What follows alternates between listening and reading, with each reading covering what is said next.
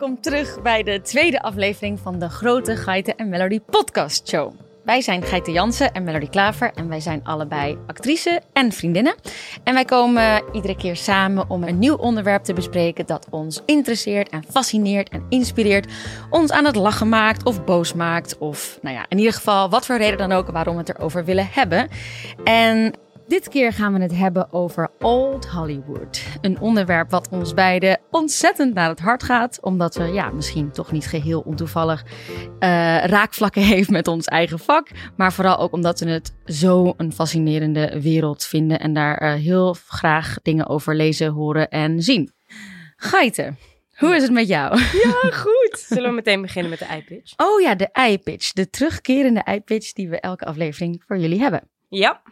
Ja, ik heb... eh, Zal ik de eiwekker aanzetten? Ja. Oké, daar gaat hij. 3, 2, 1. Ik heb voor jullie meegenomen ehm, de twee boekjes Milk and Honey en The Sun and Her Flowers van Rupi Kaur. Ja, Die ken ik. ken je haar? Ja, zeker. Oh. En het boekje ook. Allebei, allebei. Och, zo mooi. Ehm, Milk and Honey is haar eerste boekje en vlak daarna maakt ze The Sun and Her Flowers. En ze is nu de derde aan het maken. Het zijn allemaal korte gedichtjes en het zijn zulke prachtige, prachtige gedichtjes. Dus eh, ja. En ook hele sterke en krachtige. Heel, heel, ja. heel, heel, heel, heel. Er is ook een heel vet interview met haar en Emma Watson waar ze het alleen maar hebben over feminisme. Ja, want vertel eens heel even kort iets over haar. Ik, ik Zij weet is het een, van- eh, een Canadese eh, schrijfster. Ja? En, of ze, ze komt uit Canada en... ehm, Is ook niet in... ja, ja, ja, qua, qua blood. Maar ehm, woont in, in Canada en reist de hele wereld over met, met haar succesvolle gedichten. Ja, cool, cool. Ze is onze leeftijd, by the way. Echt waar? Ja. Ja, ze is heel jong. Ze schrijft op een best wel moderne manier. en ik volg haar op Instagram. Dus, dus Heeft ze daar ook... eh, zeker. En daar posten ze vaak ook leuke Oh, gedichtjes op. Of vet. mooie gedichtjes. Dus daar ken ik. Goed. En eh, you? Nou, de eienwekker is nog niet Afgegaan? afgegaan. Oh, wel afgegaan. Goed, dan eh, doe ik mijn eh, ei-pitch. Yep. De ei-pitch. Die van mij eh, is eigenlijk wel een, een, een bruggetje naar eh, het onderwerp van straks. Namelijk de podcast You Must Remember This. Ehm, en die wordt ingesproken door Carina Longworth. En die kan je dus gewoon vinden op eh, nou ja, hetzelfde Is platform waar je deze vet. podcast luistert. Zo het is heel deze. vet, ja. mij Deze- deze al eens een keertje aangeraden inderdaad. En ik ben er ook echt verslaafd aan. Ja, precies. Er zijn Ja. zoveel afleveringen. Ach, Niet normaal. En deze chick is gewoon zo goed in vertellen. En ze vertelt het op zo'n leuke manier. Ze doet heel goed door onderzoek naar al die verhalen die ze vertelt. En, Heb eh, je een lievelingsaflevering? Nou, misschien ga ik dan toch wel eh, het drieluik noemen van Marilyn Monroe. Vooral ook omdat Oh. hij straks terugkomt in deze podcast. Oh my sweet lord. Ja, en ik vind dat gewoon een fascinerende vrouw en actrice. En toen ik haar afleveringen hoorde over Marilyn, toen dacht ik echt, oh my god, hoe heb ik dit nooit kunnen weten? Hoezo weet de wereld dit niet? Waarom Ja. zien we Marilyn alleen maar als het fantastische wezen daar met die opwaaiende Ja. rok en weten we gewoon niet wat er allemaal is gebeurd? Maar daar komt straks verandering in.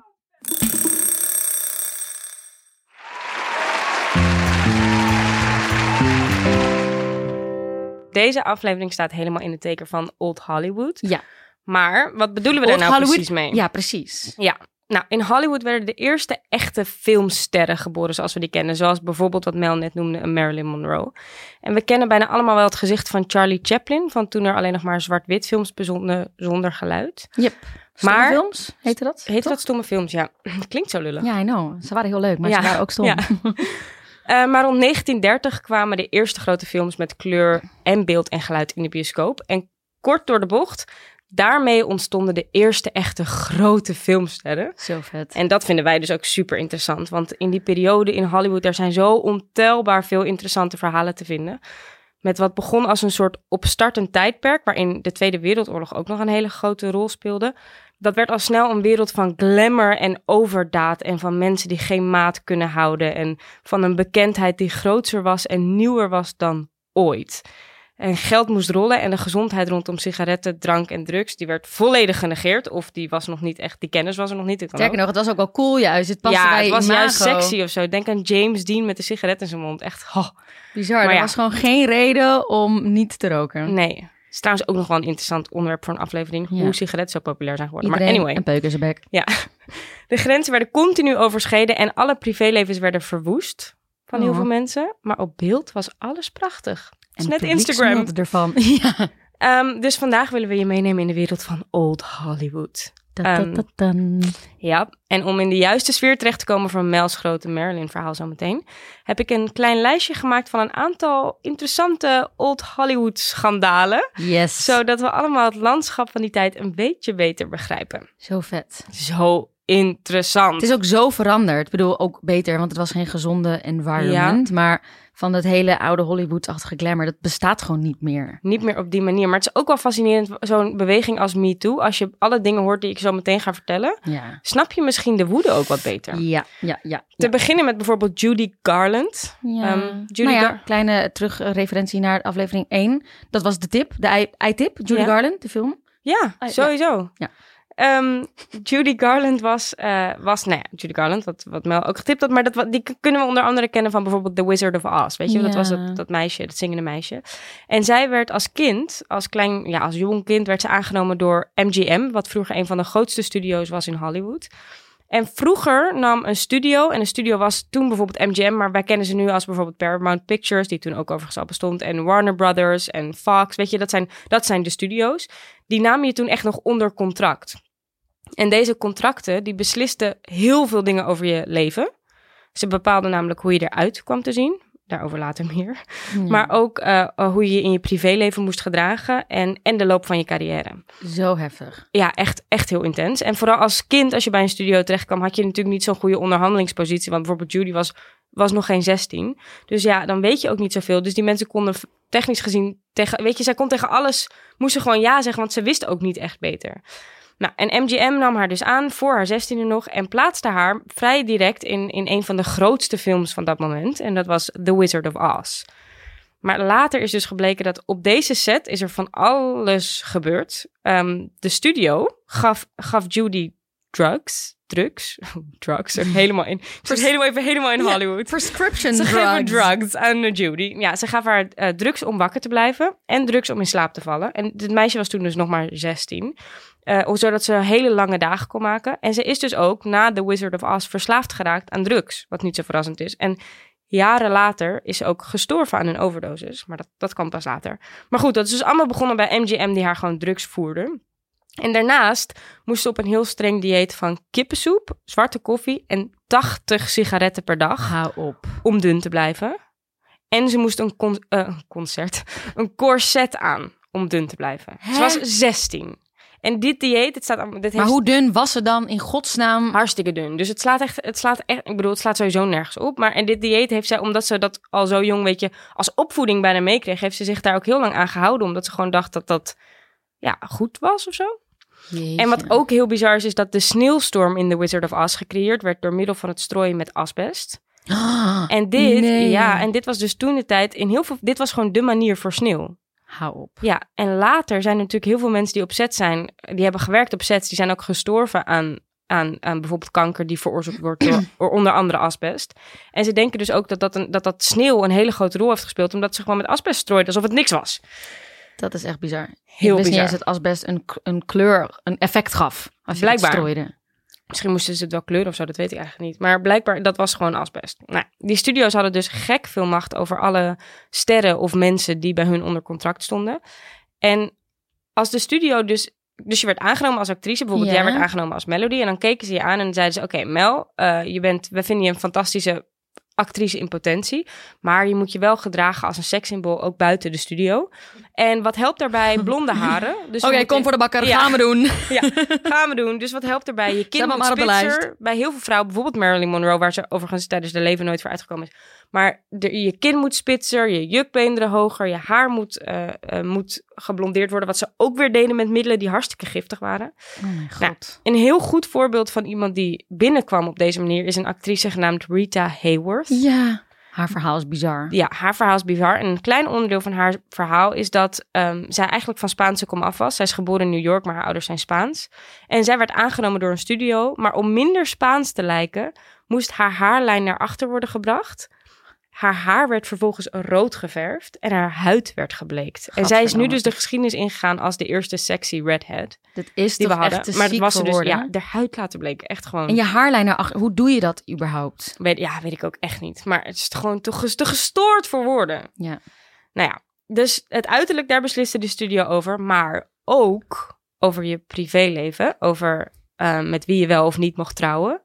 Vrouwen moesten vaak, mocht, moesten vaak ongetrouwd blijven, omdat de studio's niet, weet je, dat was minder sexy als Ja. je al een man had. Een imago wat de- vandaag de dag nog steeds een beetje doorsuddert in de entertainment business. Dat vrouwen toch wel... ja, eh, dat je aantrekkelijker beetje- bent als je single Ja. bent en looking to mingle. Ja, ja, precies. Een beetje, Ja, dienst, ja, een beetje dienstbaar kan opstellen als vrouw. ja. En eh, dat was toen dus ook. En er werd ook bepaald, ook voor vrouwen, maar ook voor mannen, of je uit de kast mocht, mocht komen. Nee, Nooit dus, ja. nooit dus. Nee. Dat, dat was niet eh in vragen. Nee. Eh, en ook of je geen kinderen mocht krijgen. Wel of geen kinderen. En dat was ook heel vaak een nee. En sterker nog, wat de studio's dus vaak deden om te, in de gaten te houden of hun sterren zich wel gedroegen naar hoe zij dat wilden, stuurden ze er vaak iemand op af. Om je zeg maar te, ja, echt een soort van te schaduwen. Om, en dan vervolgens aan de studio ja, aan te controleren. En aan de studio terug te vertellen of hoe je je gedragen had. Het is gewoon echt een soort bureau- bureaucratisch kat-en-muisspel. Echt heel bizar. En, maar goed, die mensen leefden gewoon. Dus er gebeurde natuurlijk wel van alles. Ja. En zo werden vrouwen wel soms zwanger.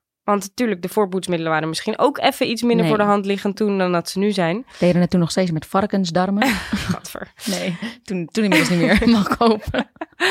En was dat een condoom, een varkensdarm? Ja, dat was het eerste condoom. Oh my god. Terug in de middeleeuwen in 19, eh, in 18... eh, nee, nee, ik weet niet. Oh my god. Nou, eh, in elk geval, vrouwen werden zwanger, wat overigens nog steeds natuurlijk gewoon gebeurt. Maar dat was toen een groot schandaal als je in dienst was van een studio. En zo hebben onder andere Judy Garland, daar is ze weer.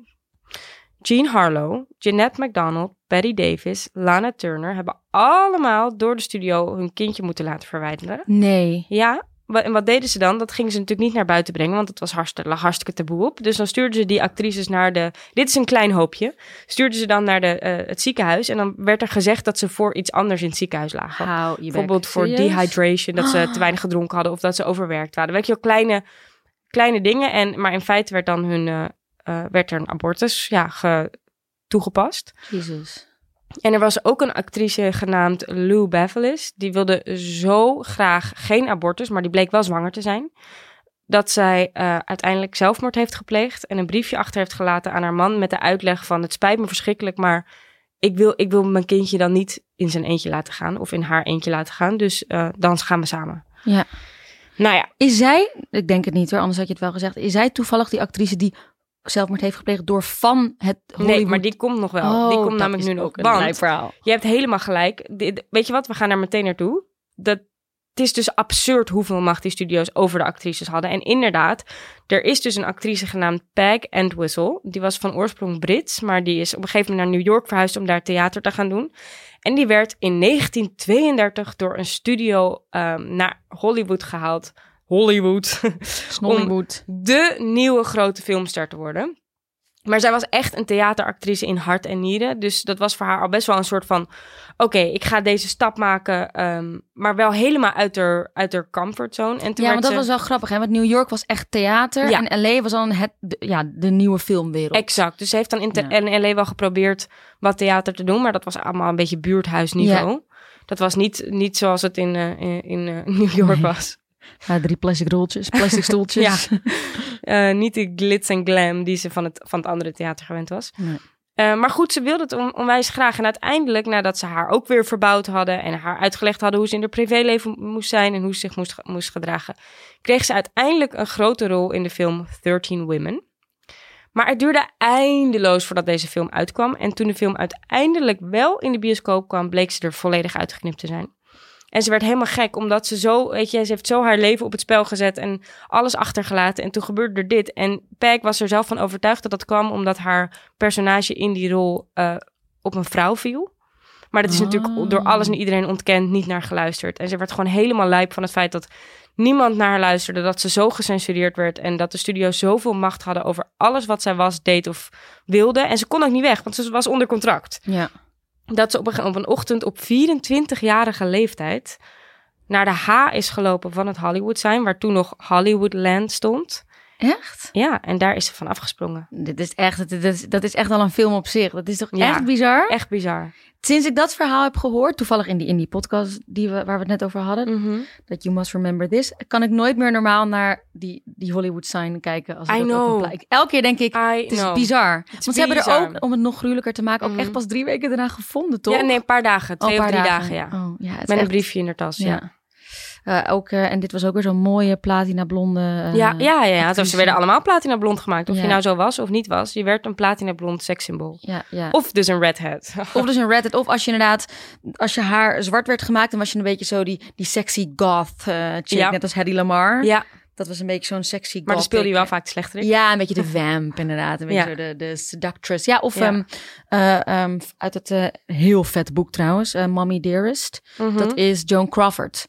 Oh een- ja, echt ja een en daar vertelt zij over de moeder dat die Ja. gewoon... eh, Psycho was ja. ook. Heel vet boek trouwens, maar dat, oh, leuk. ehm, ja, leuk, leuk, dat leuk. staat in de... dus dat is ook de- nog een, eh, eigenlijk een, een stiekem ook, kleine ook een extra tip. item. Meer informatie in de side notes. Ja, Eh, side notes, wat zeg ik nou? Show notes. show-notes. Ehm, ja, heel vet boek. Ik ben hem nu toevallig aan het lezen. Zal ik gewoon... Ja, of nee, ik, goed. wil- ik wil eigenlijk... Nee, als ja, jij ik nog heb meer een, hebt... Ik heb er nog een paar. Ik zal er, ik zal, eh, we moeten, weet je, dit is zo'n leuk onderwerp. We moeten hier meerdere afleveringen ja, ja, als het aan mij ligt... Dus ik ga er bewaren. Oh, maar ja. ik wil nog wel, ik heb één zo'n raar verhaal ge- Oké. ge- gevonden. Dat Gooi moet op ik even me. delen. Shirley Temple was dus een kindactrice. I know, En met die echt- krulletjes. Ja, kleine krulletjes. En was niet normaal goed. Ja. Ze was echt niet normaal goed. Ze danste, ze zong, ze speelde alle volwassen acteurs eruit. ja. Dus ze was een gigantische superster in, in Hollywood dus. En omdat ze zo goed was, ging er dus op een gegeven moment het gerucht dat zij, zoals in toen de tijd nog gezegd werd, ja. een dwerg was. Wat? Ja. Dit A is één ding waarvan je al kan denken, hè? maar deze, dit gerucht Dus een volwassen mens bedoel je? ja, een ja, volwassen ja. mens met een kleiner lichaam. Dit is toen helemaal naar fucking Vaticaanstad gereisd. Hè? Deze, de- dit gerucht.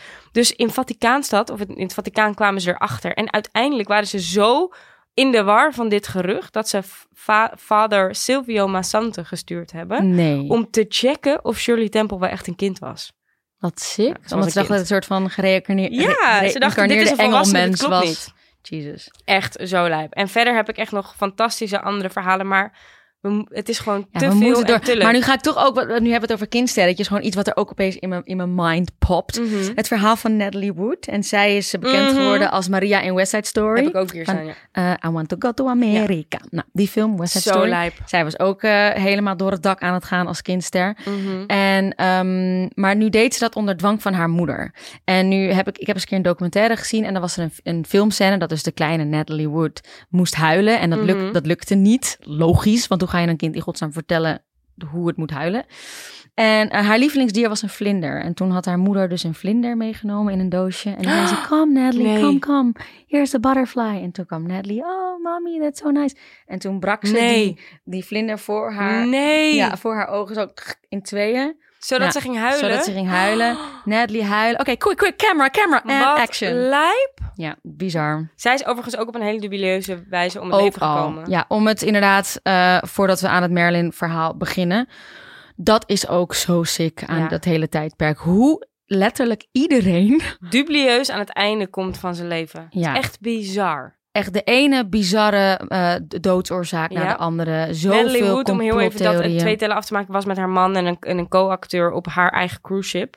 Ja. En die is daar op 23 43-jarige leeftijd van afgevallen. ja, terwijl ze een fobie had voor water. Is ja, ook nog zo, zo mooi. raar. Maar Ja. het is voor altijd een zaak gebleven van, van afgevallen van een cruise ship. Ja. Dus genoeg plek om niet van af te vallen. Zeg maar, what the fuck Daarom. happened? En gingen mensen niet dood aan een vliegtuigongeluk, Ja. dan was het wel dat ze Een zichzelf te pletten reden tegen een berg of een ja, overdosis. James Dean, die is zichzelf te pletten gereden en had pas drie films gemaakt. Ja, eh, waarvan twee nog moesten uitkomen. En zijn Oscar-nominaties zijn pas na zijn dood gekomen. echt? Rebel Mhm. without a cause. En toch Mhm. weet iedereen wie die is.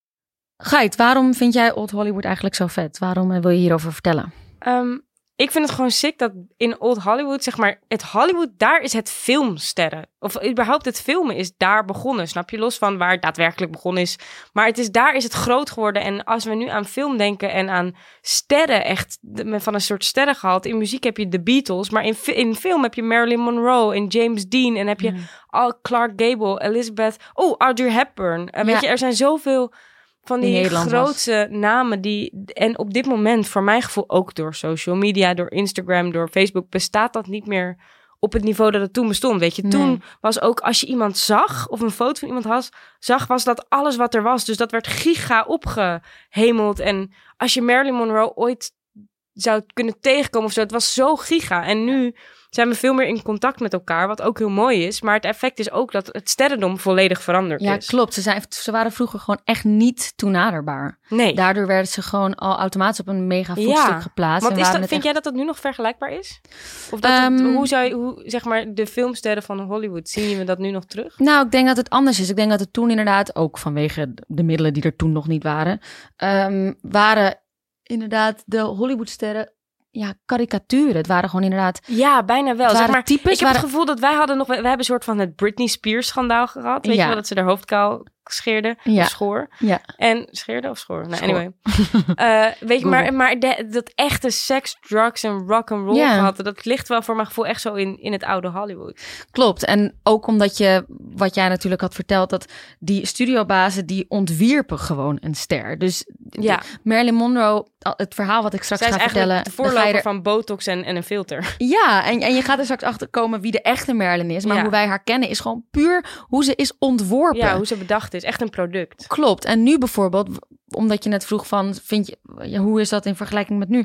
Nu hebben eh, acteurs, maar ook artiesten veel meer de mogelijkheid om zichzelf echt te laten zien. En zijn ze dus ook, Hoe ze willen. Toen- ze bedenken ook zelf het product natuurlijk. ja. En ze meer. zijn ook door social media, zijn ze wel toenaderbaar. En Ja, zijn ze in veel sneller contact met klopt. hun fans. En sommige, eh, en ze kunnen dingen rechtstellen. Ze Weet kunnen je, dingen bepaalde roddels, als er echt een giga Kunnen ze gewoon zeggen, nou jongens, is niet waar. Ja, is nooit gebeurd. Ja. Ja, En, en de oude generatie kan dat soms nog wel zonde vinden. Dat, tenminste, dat is wel iets wat ik keer heb ge- gelezen. Van, dat snap ik ook ja, wel. vroeger was het eh, veel eh, romantischer en mysterieuzer. Weet je, je kan niet voorstellen dat je nu inderdaad met James Dean loopt te twitteren. Terwijl, Och, James Dean. ja, maar het is nu, de, de tijdgeest van nu is gewoon anders inderdaad. Nu blijven eh, die sterren ook echt mensen. En vroeger was het echt, was het, was het een tiende van een Ja, mens wat je hè? kreeg En ik zien. heb ook het gevoel dat zeg maar die sterren gaan de geschiedenisboeken in. Maar Ja. ik vraag me af welke sterren van deze tijd. Oh, jawel hoor. Ik denk Wel? dat Angelina Jolie gaat, eh, zeg maar, de sterren waar wij als kind mee zijn. Gaan eh, ook wel weer de Ja, geschiedenisboeken joh, echt wel. Ik denk als die dan voor het eerst zo dood beginnen te gaan, klinkt even heel heftig. Ja. Maar dat gaat zo, als wij later oud zijn, voor ons zijn, oh, Andy is dood en Brad Ja, ja, Pitt ja, is dood, ja. weet je. Oh my god, Dit is- afkloppen. Ja, I know, sorry. Maar ik bedoel, wat je nu ook hoort met Ja. al die mensen, weet ja, je, je met... hebt ook ehm, gelijk. Je hebt gelijk. met, het is gewoon eh, het begin van alles. Het ja, is, ja. Daar ontstond zeg maar de eerste ja, weet je, nu David Bowie van de mensen die dat hebben meegemaakt, is voor ons net anders. Het is gewoon niet onze generatie geweest. Ehm, maar, de la- laatste vraag. Ehm, maar heeft het ook te maken met, ja, de wereld waar wij nu in zitten? Ik bedoel, het is uiteindelijk ook ons vak soort van, is dit ook de, de, de basis geweest van hoe wij het acteren kennen? Of hoe wij Ik weet het niet.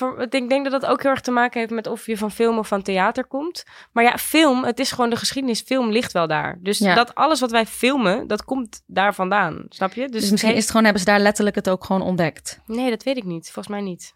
En wat ook heel grappig is, de films waren heel theatraal vroeger. Dus eigenlijk Ja. mixen zij het heel erg. Want Ja, hun ja, films waren met muziek theater, en dans en... Ja, heel vet. Misschien moeten we maar weer eens terugbrengen. Ook gewoon weer eens gaan tapdansen in een film. Oh terwijl we God, zingen over de rainbow. Hoe vet Maar is dat, dat, het laatste, welke film was dat nou? Van, Wij eh, moeten alles weer heel dramatisch en... en, en Oh, en- Caesar heet die volgens mij. Heb je die oh gezien? ja, ja, van de Coen Brothers. Ja, daar zijn ze ook aan het tapdance en dan zie je Channing Tatum ineens aan het... Nou, echt zo vet. Dan proberen ze dus dat Old Hollywood na te bootsen. Ja, dat is wel vet. Let's bring it back. We, we kunnen eindeloos door blijven lullen, Ja, maar en dat Merlin gaan we ook zeker doen, maar we houden het wel georganiseerd. Dus vertel Precies. jij wat jij. Ehm, ja, ik eh, wilde vandaag wat dieper ingaan op misschien wel het grootste Hollywood-icoon dat de wereld ooit gekend heeft.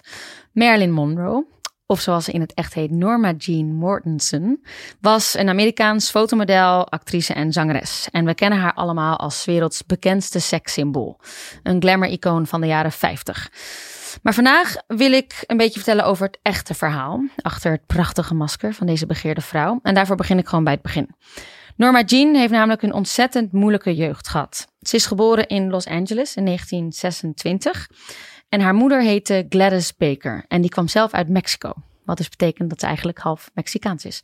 Wie Norma Jean's vader was, heeft nooit iemand zeker geweten. Maar haar moeder beweerde dat het een man genaamd Charles Gifford, uh, de biologische vader, zou zijn. Moeder Gladys werkte toen tijd bij een filmproductiebedrijf waar ze werkte als filmsnijder. Oftewel de ouderwetse vorm van monteren, waarbij de rollen film Oh, letterlijk ja. knipte en weer aan elkaar plakte. Letterlijk toch? Gewoon met een schaar Ja, gewoon echt letterlijk gewoon. En dan weer. En Zo dan had je een film. Ehm, Charles was de leidinggevende van Gladys en die zou haar dus bezwangerd hebben. Eh, ook grappig en ontroerend om erbij te vertellen is dat de kleine Norma Jean zelf altijd dacht dat de beroemde filmster Clark Gable haar vader was. Aangezien haar moeder altijd een foto van hem Oh aan de muur had hangen, maar die moeder was gewoon sick fan. Clark Maar overigens dacht- wel een geheim kind, bleek later. Maar Ja. het was niet Marilyn Monroe. Nee, dat was niet Marilyn Monroe. Maar goed, dus zij heeft ook heel stoer tegen al haar basisschoolvriendjes lopen zeggen dat Oh. Clark Gable haar vader was. Waarschijnlijk om zichzelf gewoon te troosten met die gedachte dat haar vader haar daarom vanwege zijn drukke filmschema heeft moeten verlaten. Ehm, moeder Gladys overigens was een vrouw met drugsproblemen. Heel gezellig. En mentale stoornissen. En was absoluut niet in staat om voor haar kind te zorgen. Toen Norma Jean pas twee weken oud was, gaf Gladys haar weg aan twee van haar eh, vrienden, de familie Bolender. Het eerste pleeggezin van vele waar Norma Jean in terecht zou komen. In totaal zou het kleine meisje in elf pleeggezinnen wonen. En in periodes dat Oh ze niet God. bij een gezin terecht kon, woonde ze in een weeshuis in L.A. Gedurende haar hele jeugd en zelfs tot in haar vroege volwassenheid is Norma Jean hard en liefdeloos behandeld. Het is eigenlijk bizar om te beseffen dat wanneer we Marilyn Monroe als sekssymbool beschrijven, we het hebben over een meisje dat in meerdere pleeggezinnen seksueel is misbruikt en veelal mentaal en fysiek is mishandeld. Ook echt seksueel misbruikt. Ja, dit is natuurlijk een verhaal wat, waar mensen het niet graag over hebben, omdat we haar beeld natuurlijk heel erg romantiseren. Maar als we het gewoon echt hebben over de werkelijkheid, ehm, dan is dit wel, komt dit wel steeds vaker boven water. Mijn bronnen zijn meerdere biografieën, ehm, meerdere quotes van haarzelf. Er zullen ook altijd verhalen zijn en, en eh, ja, die dat weerleggen, die het daar niet mee eens zijn, om Mhm. denk ik dat romantische beeld omhoog te halen. Maar ik sta aan de kant Die van het er niet mee eens zijn ook. Nou ja, Ja, ik ben het er niet mee eens. nou, van- vanuit, vanuit een, een mannelijk oogpunt is dat, was het natuurlijk nooit. eh, ehm, Ja, ik snap het. Daar ging omdat- haar carrière natuurlijk niet over. Klopt, nee. Maar goed, ik sta achter Norma en ik vertel haar echt een verhaal.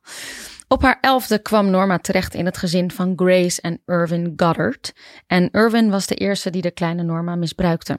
Ah, Een ander bekend voorgeval uit een ander pleeggezin luidt dat Norma was misbruikt door een buurman. En toen ze dat eerlijk tegen haar toenmalige pleegmoeder vertelde, werd niet de buurman, maar de kleine Norma daarvoor Nee. gestraft. Ja, echt bizar.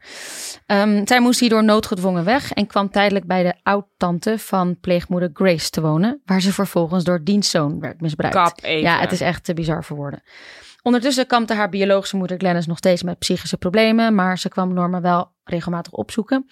Toch zou Norma Jean nooit een goede band met haar moeder opbouwen. En in een later interview zei ze over haar moeder: To me, she was just that red-haired woman.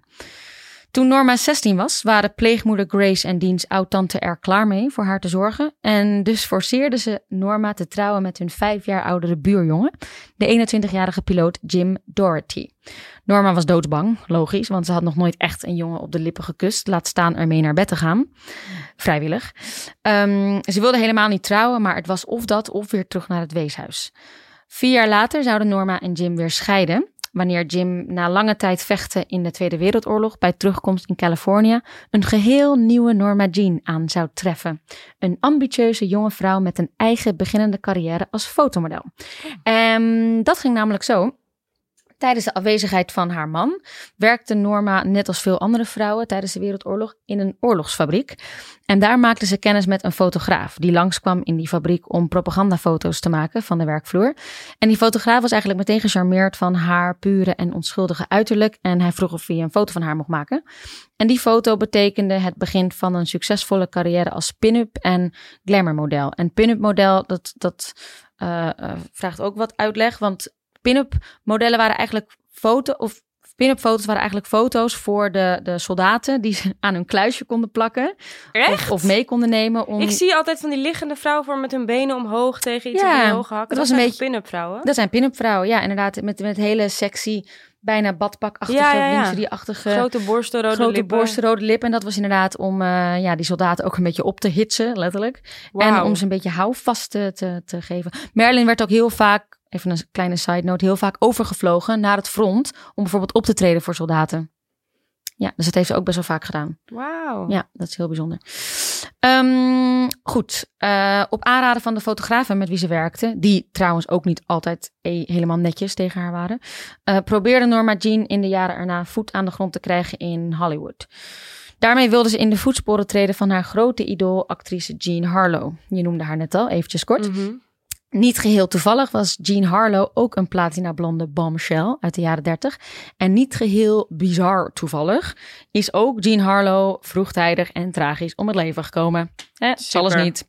Hollywood. Hollywood. Het is trouwens best leuk als je het gezicht bijvoorbeeld van een Jean Harlow niet kent, om het eens even op te zoeken op Google. Ja. Want het is echt grappig, de gelijkenissen met uh, bijvoorbeeld een Jean en een Marilyn. Ja. En de blondines die daarna nog komen. Precies. Uiteindelijk gaan ze allemaal op elkaar lijken als Ja. het haar, de huid en Ja. de tanden één kleur zijn. Ja. Goed. Terug naar Norma Jean, die haar eerste mini-contractje kreeg bij 20, 20th Century Fox. Die haar de stage name Marilyn Monroe gaven. En haar, Heeft de haar- studio haar zo genoemd? Ja, ja. Zij hebben, wat jij ook net vertelde, dat zij Ja. gewoon een heel imago om... Ze dachten, om- Norma, dat gaat niet werken. Nee, Norma Jean, dat klinkt echt veel te saai. Marilyn Monroe, dat klinkt lekker zoetsappig. Ja. Goede bijnaam, MM, vonden ze helemaal top. Oh ja. En ze gaven haar de legendarische transformatie. Net als Jean Harlow bleekte ze haar haren platina blond. Ze bracht haar beroemde schoonheidsvlekje aan. Zo weet je wel, hier boven de Mhm. lip. En deed ze het een en ander aan plastische chirurgie. Benoemde je net ook al. Toen er naaktfoto's van Norma uitlekten uit haar voormalige modellen... Uitlekte toen ja, al. toen al. Ja, nudes, selfie nudes, of hoe Ja. heet die dingen? Ja, nudes toch? Is niet van Ja. eh, deze tijd.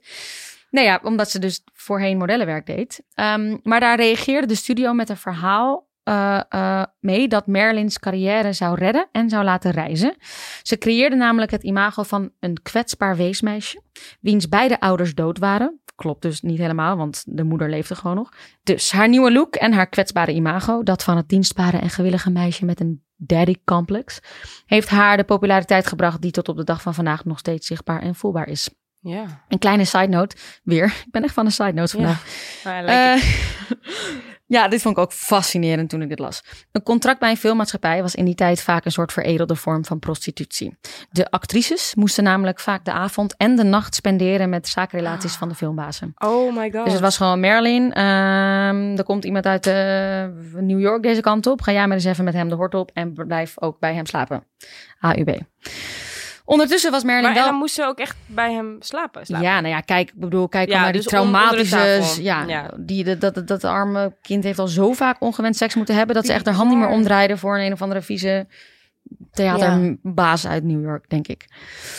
Ehm, ondertussen was Marilyn wel bewust bezig te groeien in haar acteercarrière. Ze nam acteer- en zanglessen en door haar rollen in het musical comedy genre maakte ze furoren als het domme blondje. Na vele kleinere kutrolletjes te hebben gedaan, speelde ze haar eerste grote rol in How to Marry a Millionaire. Daarna volgden vele andere gigantische box-office successen, zoals Gentle- Gentlemen Prefer Blondes, waarin ze haar grootste hit Diamonds Are a Girl's Best Friend zingt. Oh ja. Nou ja, eh, die ken je vast wel. Ja. Die gaat namelijk zo. A kiss on the hand may be quite continental, but diamonds are a girl's best. En de film The Seven Year Itch, waarin het befaamde shot zit met de opwaaiende jurk. Ja, Zoals we die allemaal met kennen. die witte En- jurk. Ja, en die in menig eh, slaapkamer of woonkamer te bewonderen is aan de muur. Marilyn werd de grootste ster die de wereld ooit gekend heeft. En zoals een echte Hollywood, Hollywoodster van toen betaamde, ging dat zo langzamerhand zijn tol eisen. Marilyn werd geleefd en om op de been te blijven, net als Judy Garland, slikte ze medicijnen en zocht ze haar heil in alcohol en drugs. De psychische problemen die ze van haar moeder geërfd had, zorgden ervoor dat Marilyn al rond haar dertigste met heftige depressies en verslavingen te maken kreeg. Dan ook nog haar privéleven. Haar tweede huwelijk was met de bekende honkballer Joe DiMaggio en duurde slechts zeven maanden. Gek genoeg gingen ze wel als goede vrienden uit elkaar. En ehm, het blijkt dat DiMaggio na Monroe's dood eh, gedurende twintig jaar drie maal per week verse rozen naar haar graf bracht. Nee. Ja, dat is een heel lief verhaal. Oh. Oh. Ja, terug naar de levende Marilyn. Ja. Vanwege de eeuwige typecasting, waar ze zo langzamerhand gek van werd. en de oppervlakkige, sexy, domme blondjes die ze van de filmstudio's maar moest blijven spelen. richtte Marilyn aan het eind van de jaren 50 haar eigen productiehuis op. Echt? En ja, dit is echt bizar. En verhuisde ze naar New York. Een actie, vandaag de dag helemaal passend bij de moderne geëmancipeerde vrouw. was toen de tijd helemaal niet zo makkelijk en vanzelfsprekend. En ook bizar dat we dat dus helemaal niet weten. Maar eigenlijk was het gewoon een sikke businesswoman. Die Maar gewoon toen zij- al dacht. Dat hmm. ze haar eigen productie... Ja, Marilyn Productions, zoiets. Ja, dat, misschien zeg ik dat verkeerd hoor, maar Ja, absoluut waar. Ja, dat is echt niet gebruikelijk in Nee. die tijd. Eh, en vooral ook eh, ehm, vonden de studio's dat niet zo chill, omdat zij op die manier hun macht kwijtraakten Ja. over ja, toch wel 's werelds meest begeerde vrouw. Mhm. Marilyn begon lessen te nemen bij de Actors Studio van Lee Strasberg, nog steeds een heel beroemd instituut. En ze kreeg een relatie met de beroemde toneelschrijver Arthur, Art- Arthur Miller, met wie ze in 1956 trouwde. Ehm, ze wilde zich verdiepen en serieuze rollen, serieuze rollen spelen. En geloof het of niet, ik vraag me af of jij dit weet. Ehm, want voor haar echte talent werd ze toch niet echt geroemd. Maar Mhm. voor haar rol in Some Like It Hot won ze een Golden Globe voor beste actrice. Echt waar? Dat is Yep, niet. nee. Een rol waar ze zich volledig eh, had ingestort met behulp van haar persoonlijke actingcoach Paula Strathberg. Eh, Arthur Miller schreef voor haar het script van The Misfits, waar ze tegenover, ehm, waarin ze tegenover Clark Gable speelde, de man waarvan ze vroeger Oh altijd dacht dat het haar vader was. Oh my god. En de opnames waren echt Hoe hel- raar moet dat geweest zijn? Even twee Waarschijnlijk tellen. ook als lovers, want vroeger deden ze ook totaal aan jonge meisjes met oudere mannen als. eh, ja, dat, dat moet toch wel. En dan denk je de hele tijd dat, dat je pa is geweest. En sta je nu er tegenover met je blonde haren. en- Ja, maar ja, het meisje met de daddy-complex, hè, daar gingen Ja, ze helemaal ja. lekker op. Eh, de opnames waren een hel, doordat ze plaatsvonden in de woestijn van Nevada, ver van de bewoonde wereld. En eh Marilyn repeteerde tot diep in de nacht met die persoonlijke coach dus, Paula Strasberg. Ehm, en, ze en ze oefende de tekst voor de volgende dag. Door vermoeidheid, maar ook door haar alcohol- en medicijngebruik... verscheen ze vaak te laat op de set of soms gewoon helemaal niet. Halverwege de opname moest ze noodgedwongen naar een kliniek om van haar verslaving af te komen. En dat is ook heel grappig, maar in de film, wat tevens haar laatste film zou zijn, is nog heel goed terug te zien hoe de opnamen van eh Marilyn in soft focus zijn gefilmd. ehm, Mhm. Om de sporen van de verslaving te maskeren. Echt Dus waar? waarschijnlijk zag ze er echt helemaal al verrabbezakt uit. En hebben ze dat een beetje, ja. Dus ze Nou. was echt full blown. Ja, ze was al helemaal bijna down the drain. Het ging helemaal mis. Ehm, Arthur en Marilyn scheiden na vijf jaar huwelijk in 1961. En Marilyn zou daarna een relatie krijgen met de eveneens legendarische Frank Sinatra. Die haar een hond gaf als vervanging van de hond die ze was kwijtgeraakt in een scheiding met Arthur Miller. Dat vond ik heel leuk om er even bij te Ja. vermelden. Ehm, en die hond noemde ze Maf, want dat vond ze leuk, als in maffia, Maf. En dat vond ze geinig, want Frank Sinatra dacht zij die verbonden was met de maffia. I don't know. Dat was haar Frank inside joke. Sinatra is ook een oude snoeper. Daar moet ik echt- ook nog maar eens een keer een Nou, aflevering kijk, want wat ik nu ga zeggen. Sinatra zou haar zelfs gevraagd hebben met hem te trouwen. En waarom ze nee zei, weten we niet. Maar de kans is groot dat zijn onbetrouwbare imago als beruchte rokkenjager daar iets mee te maken zou Nou. hebben. Tot dan zijn we aangekomen op de. Ta-ta-ta-tan, De Zwarte Dag in Hollywood. Oei. De plek van rijkdom, roem en glamour. Maar ook de plek waar vroeger bijna wekelijks weer een nieuwe krantenkop prijkte met bizarre, onverklaarbare en plotselinge extra, overlijdens van de grootste sterren. Op 5 augustus 1962 werd Marilyn dood aangetroffen. Oh, Jesus. Het is echt de zwarte dag. Ja, Oké. ik was hier nog even niet mentaal nou, voorbereid. er- er- er- we hebben al zoveel zwarte dagen besproken. We zijn Ja, nu bij, ja, bij. Doomday. Doomsday. Goed, eh, op 5 augustus 1962 werd Marilyn dood aangetroffen door haar huishoudster in haar huis in Californië. Bij de autopsie op haar lichaam werd een overdosis aan medicijnen in haar bloed gevonden en haar huisarts vertelde in een persconferentie dat de doodsoorzaak een acute barbituraatvergiftiging was als gevolg van een waarschijnlijke zelfmoord. Ik doe nu konijnenoortjes in de lucht. Waarschijnlijke zelfmoord. Vanwege deze mysterieuze doodoorzaak, aangezien het publiek toenertijd niets wist van Marilyn's drugsgebruik, is er in de media veel gespeculeerd over een mogelijke relatie tussen Marilyn en de Kennedys. Met de Amerikaanse president John F. Kennedy Oh, ja. zou, ze zou ze volgens deze geruchten een affaire hebben gehad, maar toen hij haar beu was, zou hij haar hebben overgedragen aan zijn broer Bobby Kennedy. Ook lekker vrouwonvriendelijk, Jesus. Maar is dat echt zo? Nou ja, dat is dus een gerucht. Oké. Eh, het sterke gerucht gaat al jaren dat Marilyn te veel vertrouwde informatie zou hebben gehoord of gekregen en uiteindelijk zou zijn vermoord Nee. dus met een, medisch, met een, ja, een eh, eh, overdosis aan medicijnen door de Amerikaanse geheime dienst.